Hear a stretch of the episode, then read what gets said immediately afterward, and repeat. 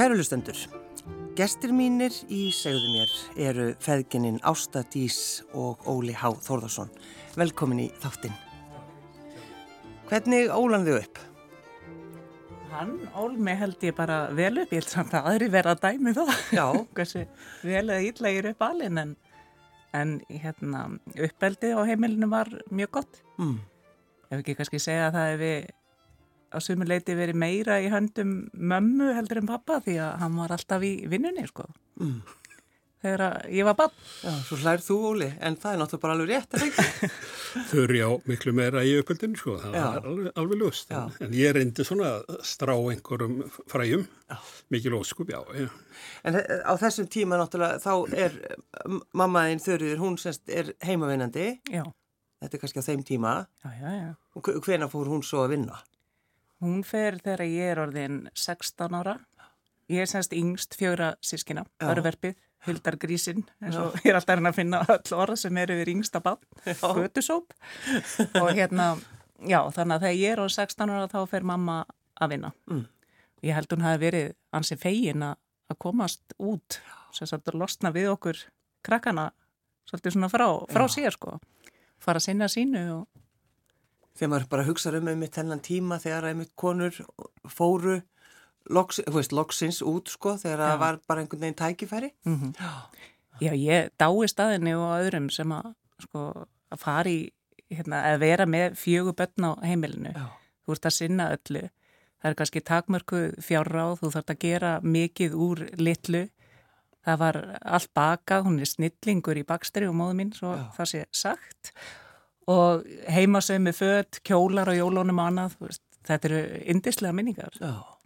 En hvar varst þú að vinna þá, Óli, á þessum tíma þegar Ásta er svona, já, lítil, lítil stúlka? Þá er ég að vinna hjá einari Ríka sem var kallaður, útgerðamaður henni Reykjavík. Ég var að skrifstöðsjóri hjá honum hérna út á Mýrargötu og í austurstræti 17 fyrr, fyrst. Og eh, 78 þá byrjaði ég hjá umferðaróði. Já. Þannig að þá er hún 6 ára gömul. Mm Svoleiðis að hún mann nú ekkit byggja eftir mér held í öðru en hjá umferðaróði. Nei, Liklega ekki, nei. umferðaráði og útvarpinu. Já, útvarpin fyrir ráð. Var bara Já, útvarpinu. útvarpinu líka. Ríkisútvarpinu Já, hér. Já, það var eiginlega líkillin minn að umferðaráði. Það var þáttaka í, í dagskrágerð hérna í, á. Já, akkurat. Gamla góða ríkisútvarpinu.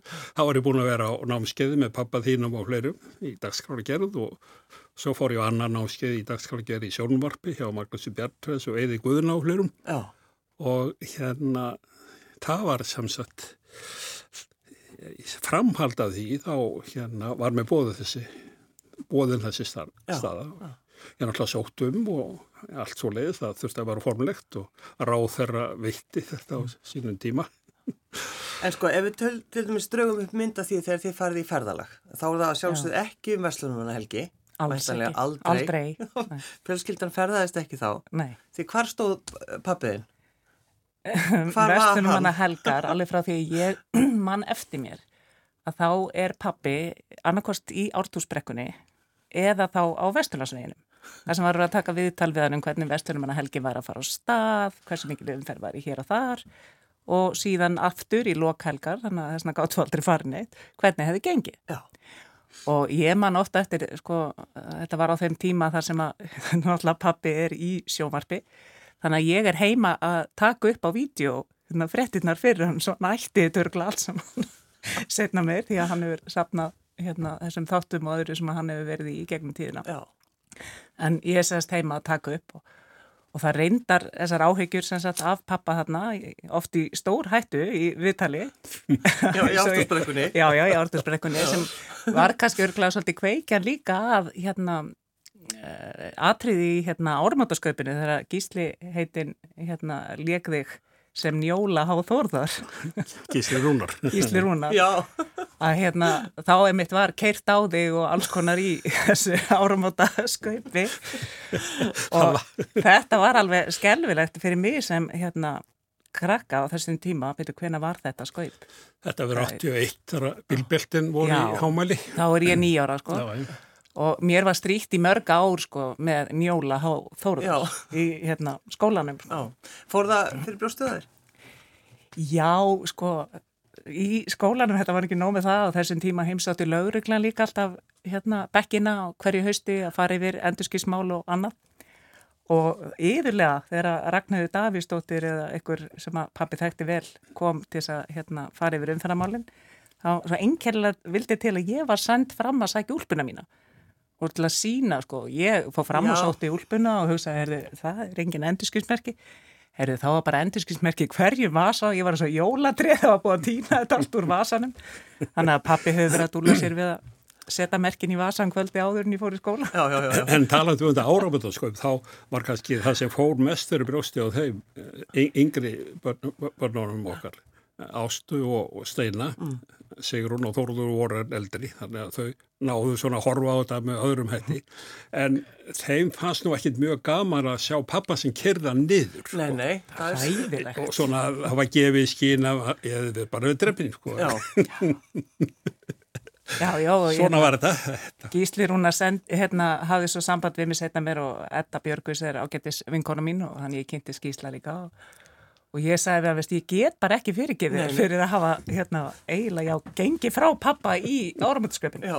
Já, ég seti að situr enn í mér, Já, hvað sem það var. hálfum með skjálfandi þetta var bara, sko, mér, mér fannst þetta mjög gott, sko, vel gert og, og bara málefninu til framdráttar. Já, líka hugsaði að fá gísla rúna til að leika því. Já, Það já, kemst það, ekki- það, það er nú bara toppurinn. Herðu og svo hérna, ég manna, sko, fyrsta virkað útastag eftir áramótin, Mm.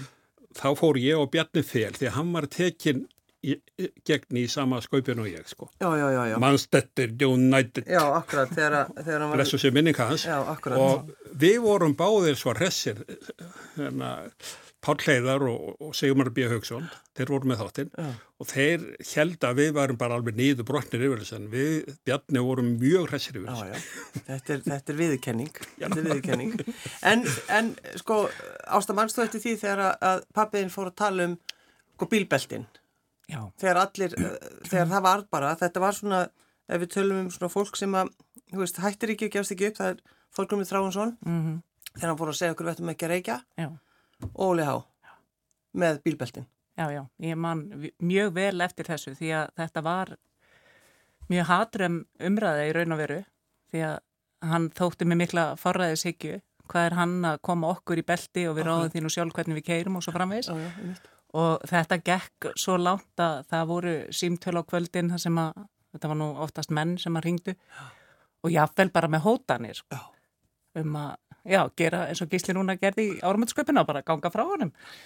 Þannig að þetta var þetta var svolítið svona sérstakt þegar maður lítur tilbaka vegna þess í dag að þá eru mjög fáir sem að myndu segja hérna, að belti væri ekki að gera gagn. Og nánast bara enginn. Og flest gerir við þetta bara ósjálfrátt að setja okkur beltið og finnst það bara sjálfsagt en það þótti alls ekki á þessum tíma Þú gerir kannski aðeins svo mikið úr þessu. Já, aðeins. Sko, jú, ég mann, það var ringtið mig og, og mér var tilkynnt það af ákvörnum manni að hann væri samfærður um það að ég væri vittlusvasti maður á Íslandi. Já, einmitt. Það, það bara, ég, bara þannig ég vissi það. Já, já, og svo er ekki bara, ó, takk fyrir. en þetta er náttúrulega svo, þú veist, hvernig við Íslendingar erum stundum, þetta er akkurat svona, svolítil, svona, þessi byrtingamind af svona, ég veit það ekki, einhver ruggli, sko. Ég bara þakka fyrir að fólk- kommentakerfi var ekki til á þessum tíma. Nei, nei, Já, já. hann, pappin hefur verið tekið niður. Algjörlega, Já. algjörlega. En svo enda náttúrulega með því að við förum öll að nota belti. Já, sem betur fer, þá Já. var það nú bara tiltölulega fljótt. En, var, en sko, varst aldrei, varst það ekki þreyttur, Óli Há, að, einmitt, vera alltaf endalust að tala um það sama? Vera alltaf að segja okkur að setja á okkur beltin? Nei, ég var það alls ekki Nei.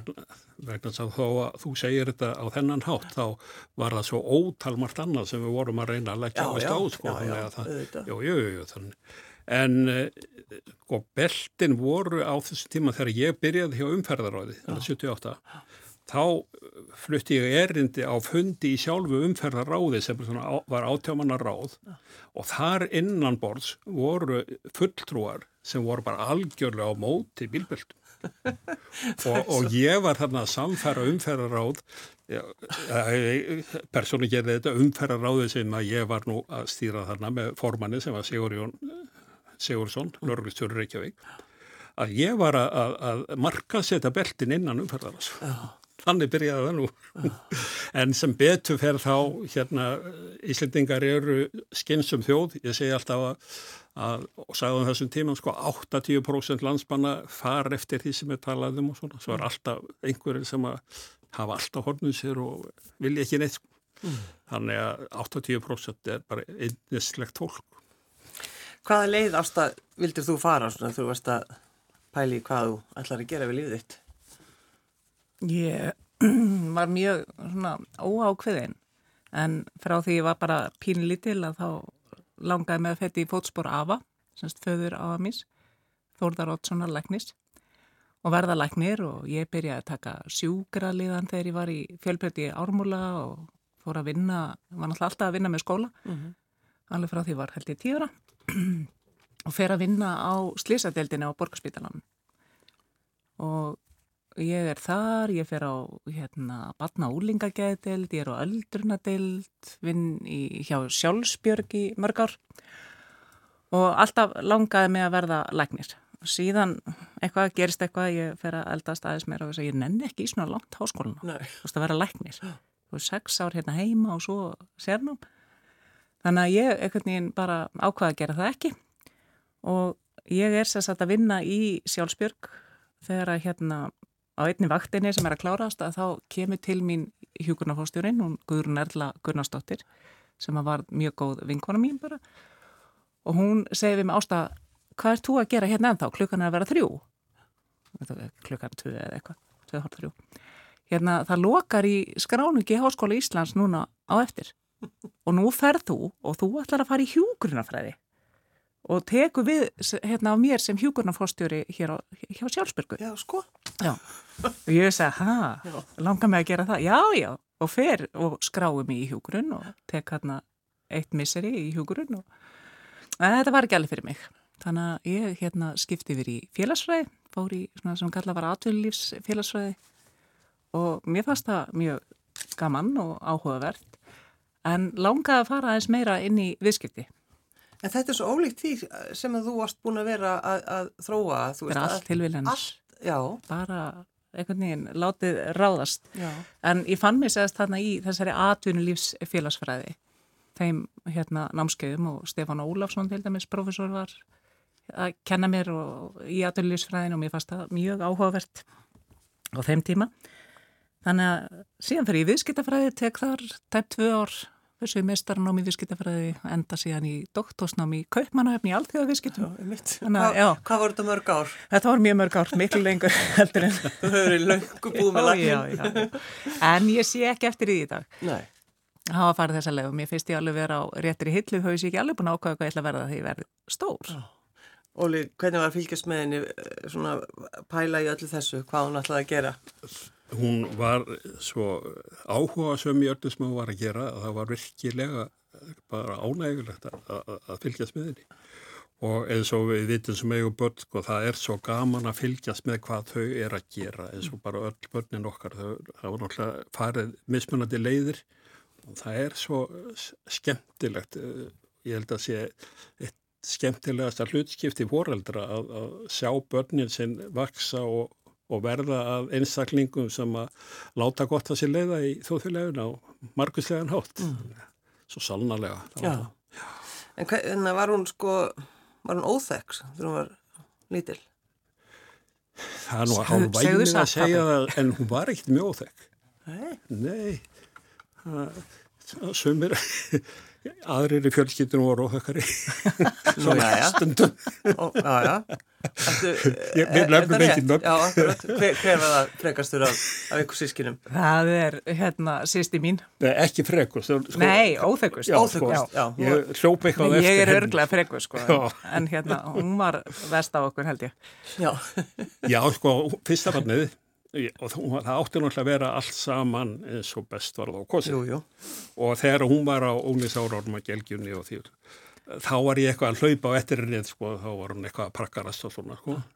en svo rættist rosalega vel úr henni, sko, það var ekki það, en ásta var dalt öðru sig. Það, jú, ég held, held að það sé alveg ótt að segja það. Fyrirgeðu rúna mín, Já, hvernig við tölum um þig hérna. En eh, eins og, eins og þú ást að bankar upp á hjá Krón, Já, versluninni Krón, þá ertu bara, hvað, 11 ára og, og byrjum vinnu. Já. Þetta er svo Hérna- aðeinslegt, svona myndi aldrei gerast í dag. nei, nei, þetta var allt annað umhverfi. Já, já. Hérna, við búum í Fossóðinum og, og hérna, uh, ég átti vinkonu sem voru kannski, uh, fóreldra þeirra svona kannski aðeins efnaðri heldur en mínir á þessum tíma. Og þær voru mikið að gera að fara í bíó og allt þetta sem ég hafði kannski ekki efna á þessum tíma. Þannig að ég ákvað bara sjálfa að ná mér í tekjur og búa til tekjur og, og ég ákvað að ganga hérna á nokkra staði og byrja hjá Krón. Og þar eru eldri hjón sem er að reka Krón á tunguvegi, hérna bara í hverfinu, hérna Sissa og Elli. Og ég spyrði hvort ég geti fengið vinnu. Og Ella leist svona vel á þennan þessa stelpu og hann segi, já, konti bara, þú mátt bara byrja núna inn á lager. Og ég er þar í smá tíma og svo komaðu að bjóða mér að fara á kassa og, og ég er þarna tengslu við krón í mörg ár, sko. Fer á Dunhafinn og upp í Engi hérna, er hann aðstofa vestlunastur í 16 ára þar og já, En sko, að vera á kassa 11 ára, það er Já. náttúrulega, þú veist, þetta eru bara, þetta eru sko bara krakkaskammir. já, já, Já, allt svona bannað í dag. Já, sko. allt svona bannað, já, já. Allt bannað. En það var líka talsverð sko rýrnun vegna þess að salgæti var við hliðin á kassa. Það var svo freistandi að voru svona súkla, ég man svo vel eftir þessu. Hún opna eftir sig. 40 Já, já. árum síðan, já. Kontu með það. Hérna, það var sérst mikil rýrnun á súklaði hérna, dýrónum litlu sem voru í Galata, súdýrin hétu þau. Já, ég man eftir þeim. Ég mátti fá sko 1-2 Á og dag. ég náttúrulega byrjaði 1-2 en síðan urðu þau kannski 20-30. Eitt og tvö á klukkutíma. Já, eða bara á tíminna fresti. Já, nákvæmlega. En uh, ertu alin upp við uh, jafnbryttisumræðu, Ásta? Var, var töluðu fóröldraðinir um það við matarborðið eða hvað? Mm, já, já, það var alltaf mikið talað, ég held að nú aðalega verið Íslands mál sem var rætt við matabórið. já, pappi hefur alltaf lagt mikla áherslu á það bæði, og svo ég tala bara út frá mér. Og mamma en líka alveg, Já, já, já, já, mamma líka, en þú varst meira svona í að láta okkur fallbega við matabórið Já, að kenna okkur. Og hið Kláraði svona fiskin og viltu svo fallbæja Já, orðið? fallbega orði ær eða ketill og þetta var alls konar skemmtilegt. En líka hefur haft mikil áhrif því að íslenskt mál skipti máli að venda það og halda því á lofti og það sama hefur hann gert við til dæmis báðar dætur mínar. Og þetta var ekki bara þetta, þetta var líka eins og með forsetana. Þær voru nú búin að læra það áður en það voru hann, já, hvað maður að segja, geta talað almennilega að það gáttu þulið fórsetta líðveldisins aftur já. að baka áfram og það var komið yfir í makana líka sko. Þannig að hérna, það hefur gagnast þeim oft í skólum Ó, þegar komið spurningin er eitthvað sem þekki fórsetana. En svona jafnbreytti sömur að nei, ekki beint. Þessum tíma kannski rauðsokkur sem voru náttúrulega stórhættulegar. já, ég var eh, ekkert kannski sérstaklega jafnbretti sinnaður þannig lagað en, en, en ég var með góða samstalskonu sem heitir Margret Sæmundsdóttir og hún var e- e- einn af þessum frumkvölum í kvennaframbóðinni sem síðar var kvennalistin og við komumst ekkert upp með það í návist hennar að vera með eitthvað kartrembu í kaffetímanum í umferðaróði sko. og, og hérna ég held að þetta hafi bara haft mjög góð áhrif á mig og það hafi nú smittað út sko, í fjölskyldunni hjá mér, ég held það. Já. Ég hef ekki verið, held ég, mjög mikil kartremba í svona, ég veit ekki í hvaða merkingu maður notar það orð. Nei, Ég ég, held ekki. nei, nei, ég get alveg tekið undir það. Við köllum þetta kallakall í dag. Kallakall. Þetta er kallakall. En þú varst alls ekki þannig. Það er, En, en Ásta, þú, sko, þú pælir, ekkit pælir, þetta er svona það sem þú ert að, að, að skoða, það er til dæmis uh, með æðstu stjórnendur á Íslandi, það er kynjalhutvöllin þar, mm þú segir hérna, ég var að lesa Facebook síðan einu, þá skrifaru við töpum öll á einsleitni, jafnrétti er ákvörðun. já. Skoð setning? Þetta er mjög góð setning og hún kemur í kringum hérna jafnvægisvógina. Vógina, já. Við vorum með með viðkenningaratöfn hérna í síðustu viku sem að rúfu að ríkisúttarpið er einn á okkar styrtaraðilum Já, akkurat. og við vorum að veita hérna stjórnendum viðkenningu og við vinnum svona með ákveðið, hvað maður að segja, þema hverju sinni. Og núna vorum við svolítið að beina sjónum að því að það er ákveðin einsleitni í atvinnlífinu og ég er oft spyrjað því af hverju ertu bara að tala um kalla og konur? Af hverju ertu bara að skoða kynja hlutvöld kalla og hvenna í stjórnastöðum? Það er svo margt annað sem það er að laga. Og mitt svar er yfir það, sko, við getum ekki gert allt í einu Þetta er það sem að ég hef haft mikinn áhuga á bara frá því ég sjálf settist í stjórnir félaga hérna fyrir 20 og, já, það er komið rúm 20 ár síðan. Og þá ert þú í rauninni kannski bara einn. Ég var mjög oft eina E, já. já. Og, Þannig að hausinn þinn fyrir á stað og þú er ummitt að hugsa, Já, hvað já. er þetta? og bæði eina konan í stjórn og svo var kannski fyrirtæki þannig að það var kall, kallmaði fórstjóri og, og svo í næstu stöðum voru bara kallar. Já, En hérna, sko þannig í raun og veru fer þetta af stað.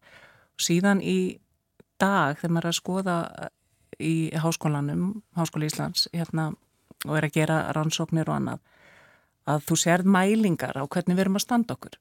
Og við tölum um að Ísland sé jafnbreytis paradís, við erum fyrirmynd annara þjóða og allt þetta. En ef við gröfum okkur aðeins ofan í þessar, hérna, köfum ofan í þessar rannsóknir að þá sjáum við að til dæmis í atvinnlífinu við tökum uh, mælingu á hverju sít í raun og veru við ákvarðan að tökum borðið að þá eigum við langt í land með að loka kynjabilinu og við erum í 50. og fjórða sæti þar og með að við erum í fyrsta sæti í varandi mentun, varandi þáttöki pólitík og ymsu öðru. Já, þess vegna höldum við að þetta sé allt í lægi að því við erum, þú veist, Já, við erum á góðum stað þar. Já, og í sagt, þessu rannsóknu sem við erum verið að gera á Háskóli Íslands að þá erum við að hérna, skoða mikið til dæmis bara eins og skráð félög á markaði. Þannig að þau eiga að vera svolítið svona fyrirmyndafélög. Þetta eru félög sem eru miklu til í eigu lífeyrissjóðana sem við öll eigum. Þannig að mínum að þetta allavega ættu þau að vera svolítið fyrirmyndafélög. Og við erum í dag með 24 félög í kaupallinni eða á Nasdaq og fimm af þeim til dæmis eru hérna bara með kalla í frangatastjórn og þetta er svo skrítið og ef við tökum af þessum fimm að fjögur eru með kallkis fórstjóra, kallkis stjórnarforman og alla frangatastjórnuna skipaða kallum. Þannig að það var svona svolítið það sem við vorum að beina kastljósina að, að það er einsleitni og það er mjög ofti í fyrirtækjum og hérna ekki bara í skráðu félagunum og við töpum alltaf á þessu. Það þekkja það allir að þegar þú komið með fjölbreyttari hóp og þá ekki bara kyn, þú veist er svo margt annað sem skiptir máli, að þú færð betri umræðu, þú færð betri ákvarðanatöku og það er þetta sem við viljum ítundir að breyta. Mm. Og minn fókus og hjá mínu samstagsfólki er hvernig lokum við þessu kynjabili í aðtöllífnu. Þannig að það er bara eitt af mörgu sem þarf að gera. Óli, hvernig finnst þér að fylgjast með henni í þessari umræðu allri og þessari baröldu? Mér finnst það áhugavert en ég hef nú stundu verið að skjóta á hann, sko, hún er doktor í alþjóðaviskittum, sko. en hún er lang oftast gölluð að hljóna um að til það ræðum jafnrettismál. Já, akkurat. Þa, það er bara í sjálf sér ágætt en, en hérna, hún er að sérhafa sig í sjávarútusmálum líka og er að skrifa bækur svona á alþjóðavísu í sjávarútusmálum en jafnrettismálinn eru mjög hátt á skalanum hjá henni í svona áhuga, áhuga sviðinu Já, og við, ég er náttúrulega stundum að skjóta á hana sko, bara síðast hérna frammi þegar við komum hérna, þá skauti smávegið sko, en, en hérna er ekki vandum þetta þetta er, þetta er törf umræða og bara sjálfsótt. já, ég minna, þú veist, þú, þú talaður um, um bílbeltin, bílbeltanótkun, hún bara hættir heldur, þú hættir því ekkert og uh, ástæð hættir ekkert með jafnbrettismálinn sem betur fer, þetta er bara á þetta allt saman. Þetta er bara þitt besta mál. Já, já, Það þetta er kannski þér að kenna. hún gefst ekki upp. Nei, nei, nei, nei, þetta er, nei, nei, mér er ekki vendum um það. Það, er, það þarf að uh, laga þetta í, ekki bara í þjóðfélagin okkar heldur um allan heim. Hvað, þið búið þar ekki bara rétt hjá hvort öðru eða hvað? Hvernig er það? Þetta er mjög merkilegt með, við erum, núna erum við stödd í þessu ágæta húsi, út af húsinu. Ástabýr og Jakob maðurinn hennar, þau búa að austan verðu við út á súsið og við þurri eru hérna í breyðabliki af. Ha, og ég er með skrifstofaðstöði í, í hérna á jarðhæðinni hjá þeim og ég lapp alltaf eftir hátið fram hjá útarpinu og heim þegar ég er að fara heim fram hjá útarpinu þannig að ég þekki allt hérna umhverfið þessa hús mjög vel. Þú veist sér hvað, þekkir hver á hvaða bíl og hver mætir í vinnuna Næstu illa því. og það er næstu því. Hann östuði þannig. en, en eru þið sko, eru þið, hittist þið á hverjum degi eða hver, hvernig er svona, Já, já, við hittist á hverjum degi, við hérna hjónin reikum ráðgæðafyrirtæki og vorum alltaf fyrir COVID með skrifstofaðastöðu bara út í bæ. já, Síðan kemur COVID og þá ákveðum við að færa aðstöðuna heim. Og pappi var svona aðeins á vergangi akkurat á þessum tíma. Þannig að hérna, við sáum bara kjöri tækifæri og fannst að fá hann með okkur og hann er með skrifstofaðastöðu heima. Þannig að þegar ég er að vinna heima og, og pappi og maðurinn minn er á næri hæðinni að klukkan 16.07 eftir frétti ríkisútarsins gengur pappi upp stíðan og það er komið kaffi. það veit 16 Þetta og er 7. það bara leið og fréttinnar eru búinar. Ef hann er ekki komin þá hugsa ég, hvað var í fréttum núna hjá Já. Rúf? Hann er ekki mættur í kaffi. Já, hvað er í gangi? en hvað, hvað ertu að, að, að brasa á skrifstofunniðinu, Óli? Ég eh, fó- fór nú í það stóra verkefni að, að skrá öll banallis í umferðinu frá upphafi í 100 ár, 1915 til 2015. Hvað, ertu að gera það núna? Nei, ég er nú eiginlega búið með það, ég kynnti þær niður stöður eftir 100 árin, sko. Vitu þetta, já, frá tvö- 1915 var það fyrsta, Banaslys á Íslandi. Þannig að ég var í því og þegar ég var að vinna að því verkefni þá uh, var ég mikið á tímarættpunkturinn sem er frábær miðill Mhm. Og þá uh, sá ég svo margar svona umferðar tengdar fréttir í blöðunum því ég var að fara yfir þetta. Ég þurfti svo mikið að á blöðunum að halda til þess að, að því að lauruglu skýslur, ég var ekki með þar svona langt aftur í tíman. nei, nei, Og þá fór ég að, bara bjóð til í tölvunni hjá mér eitthvað sem ég heit drög að umferðar sögu Íslands og, og þessi drög heita ennþá drög að umferðar sögu Íslands og ég er enn að skrá í þetta og ég er hjá þeim já, nokkra klukkutíma á degi hverjum í þessu verkefni. já. Og, og ertu þá bara að skoða allar fréttir, bara alls konar fréttir um, sem Já. tengjast bara umferð? sem tengjast umferð, já. Og þetta er eitthvað sem aldrei verður sennilega annað en bara Drög. drög og í tölvu og ég er ekki með einhverja drauma um að gefa þetta út af bók. Þetta er allt og viða mikið efni til þess. Sko. Já. En uh, þetta er bara áhugavert og gaman aðeins og svo er ég svolítið að, að fykta við tónlistina og svona. Hvernig finnst þér að fylgjast með pappaðinu með mitt vera ennþá að brasa í umferðamálum? Þetta er, þetta er mjög erfitt fyrir mig að horfa á hann alltaf í sama verkefni. Sem sagt. Þess að starfið mitt fælst í því að gera eitthvað og koma því svo út Já. og byrta það. Já, já. Þannig að þú, ert, ég- þú ert þar. Já, ég er stöð þetta ít á hann að að klára þetta og koma þessu frá sér. Já. Og ég býð bara eftir að, já, hver er yfir umferðamálunum innaríkisar á þeirra, að það ráðuneyti fara að setja sig í samband við því bara að reyna að koma þessu út. Þetta er ekki hann sem er að segja þetta, ég er að reyna að losna við þetta verkefni af honum. sko. Já, og, þannig losta, að- og losta með mig. Nei, nei, nei, þú Nei, mátt alltaf nei, vera hjá okkur. ekki, hún vil það ekki. Hva, hvað á hún þá að gera klukkan 16.07? Já, Já, hvað ger ég þá? Þá veit hún ekkert hvort hún er að fá sér kaffi eða ekki. Nei. En það kemur fyrir að hann mætir ekki þegar hann er í einhverju göngu eða eitthvað og það, ég verða að viðkjöna, það er svolítið einmannlegt þegar hún kemur ekki. Já. Þannig að þá saknaði þín pappi minn. Æ, æ, æ, æ. Þannig að, já, þannig að þið eru í rauninni bara, þú, þú auðvitað fe- fórst út í nám og allt þetta, en þið eru bara mjög svona samheldin fjölskyldavæntanlega. Við erum það og við erum, við erum ástæðar mjög náinn. Við tölum mjög oft saman og hún talaði áðan um Íslands mál og það er sameigilegt áhuga á mál okkar bekja og við tölum oft saman í síma eða í tölvunni eða eitthvað um eitthvað sem betur má fara í tengslum við, við Íslands mál Já. og uh, ef við heyrum eh, ákveðna einstaklinga í, í útvarpi eða sjónvarpi segja eitthvað sem að er ekki við hæfi, gagvart íslensku máli, þá gjarnan tölum við saman. Er það einhver sem er að hlusta á okkur eða fer hinn fjölskyldin alveg, ó, byrja þau?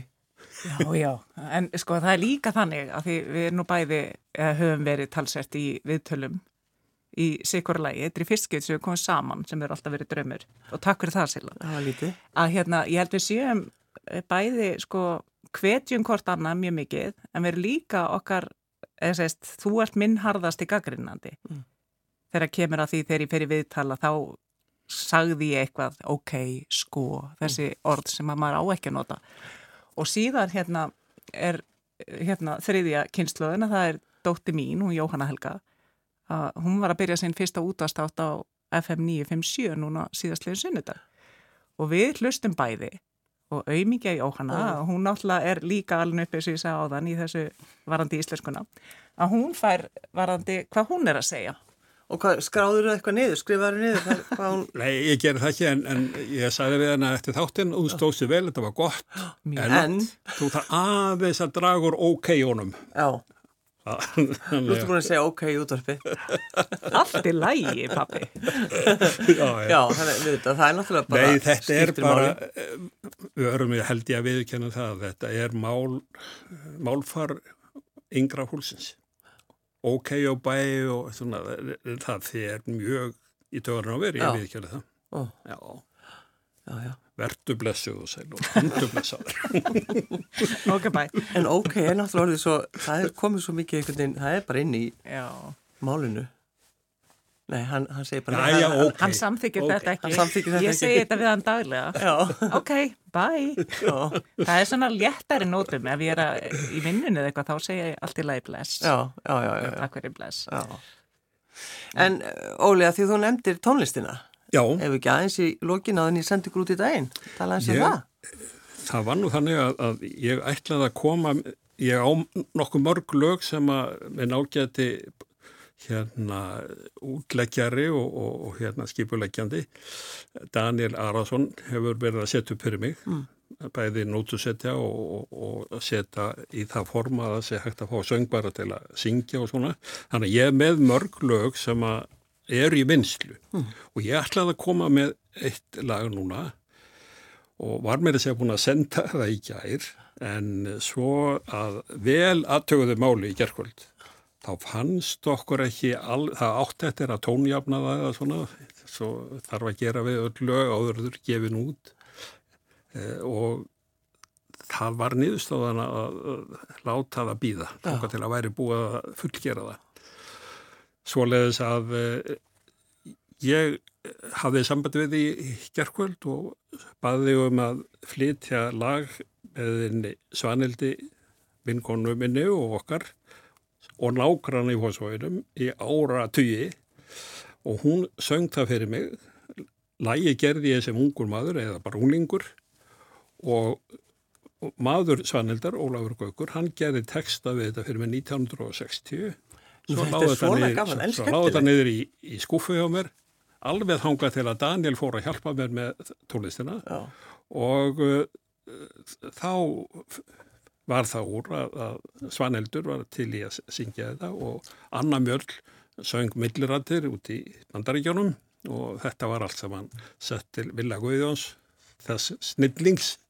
Og hann setti þetta saman og, og, og þetta lag langar mig til að, að hérna við spilum að loknum þessum ágæta þetta.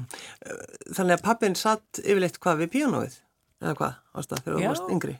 Hann, já, mjög oft. Þetta var svona hans leið til að reysa hugan held ég. Já, Annarkost úr umferðamálunum eða bókaldi eða öðru sem hann var að sinna á þeim tíma, sko. Jú, ég hef sagt það að samdi flest þessi lög svona á árabilinu 1990 til 2000 eitthvað leiðis já, og uh, ég var ofta að vinna á kvöldin, það er eitt að það neyta því í einhverju merkefnu og undirbúað einhverju rástöfnur eða fundið eða eitthvað leiðis og, og að því við byggum í einbílisúsið þá var svo gott með það ég gæti sest upp híjan og þó að væri komið fram undir miðnætti. og þá einhvern veginn bara gerðist það sjálfkrafa í staðin fyrir að spila einhver lög eftir Sigfús Aldósson eða eitthvað svona sem mér fannst nú mjög gaman að spila þá fór ég bara að búa til einhverja svona melodýr já, melodýr, það er ekki íslenska. En gott og vel. Og, og hérna og þetta lá allan þennan tíma í salti þanga til að, ég hitti Daniel. Og þá fórum við að vinna í þessu og, og ég sagði það nú í einhverju viðtali hérna í sumar að, að hérna mér dreymir um það að þetta komi á gamaldags formi í svona geisladiski sem er nú ekki vist það sem er notað í dag. Já, þú helst þessu leindi fyrir okkur. Ég hafði ekki hugmyndum að vera að semja lög hérna áður fyrir, sko. Væri bara að spila eitthvað. En hann sagði okkur þetta ekki fyrir núna í, bara rétt áður og fóst í þetta viðtal. Já, í sumar. Já. En hvað heitir lagið? Þú komst um kvöld og uh, Svanhildur Jakobsdóttir Þingur og Ólafur Gaukur hennar ágæti maður gerði í textan. Ástadís og Óli H. Þorðarsson. Takk fyrir að koma. Takk fyrir. Kærlega fyrir mig.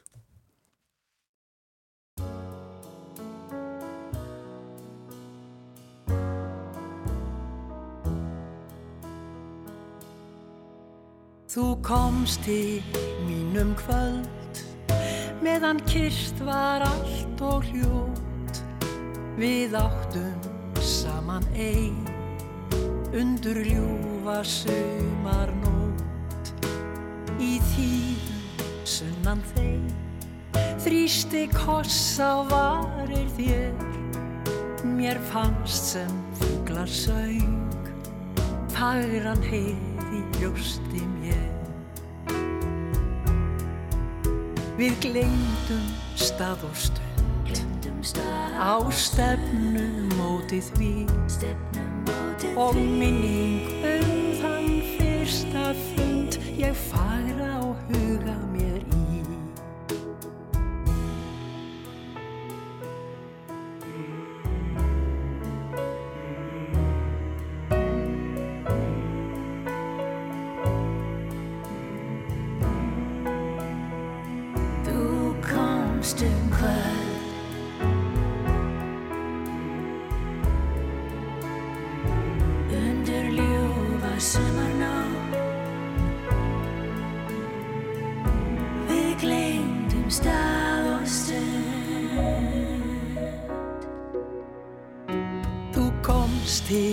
mínum kvöld.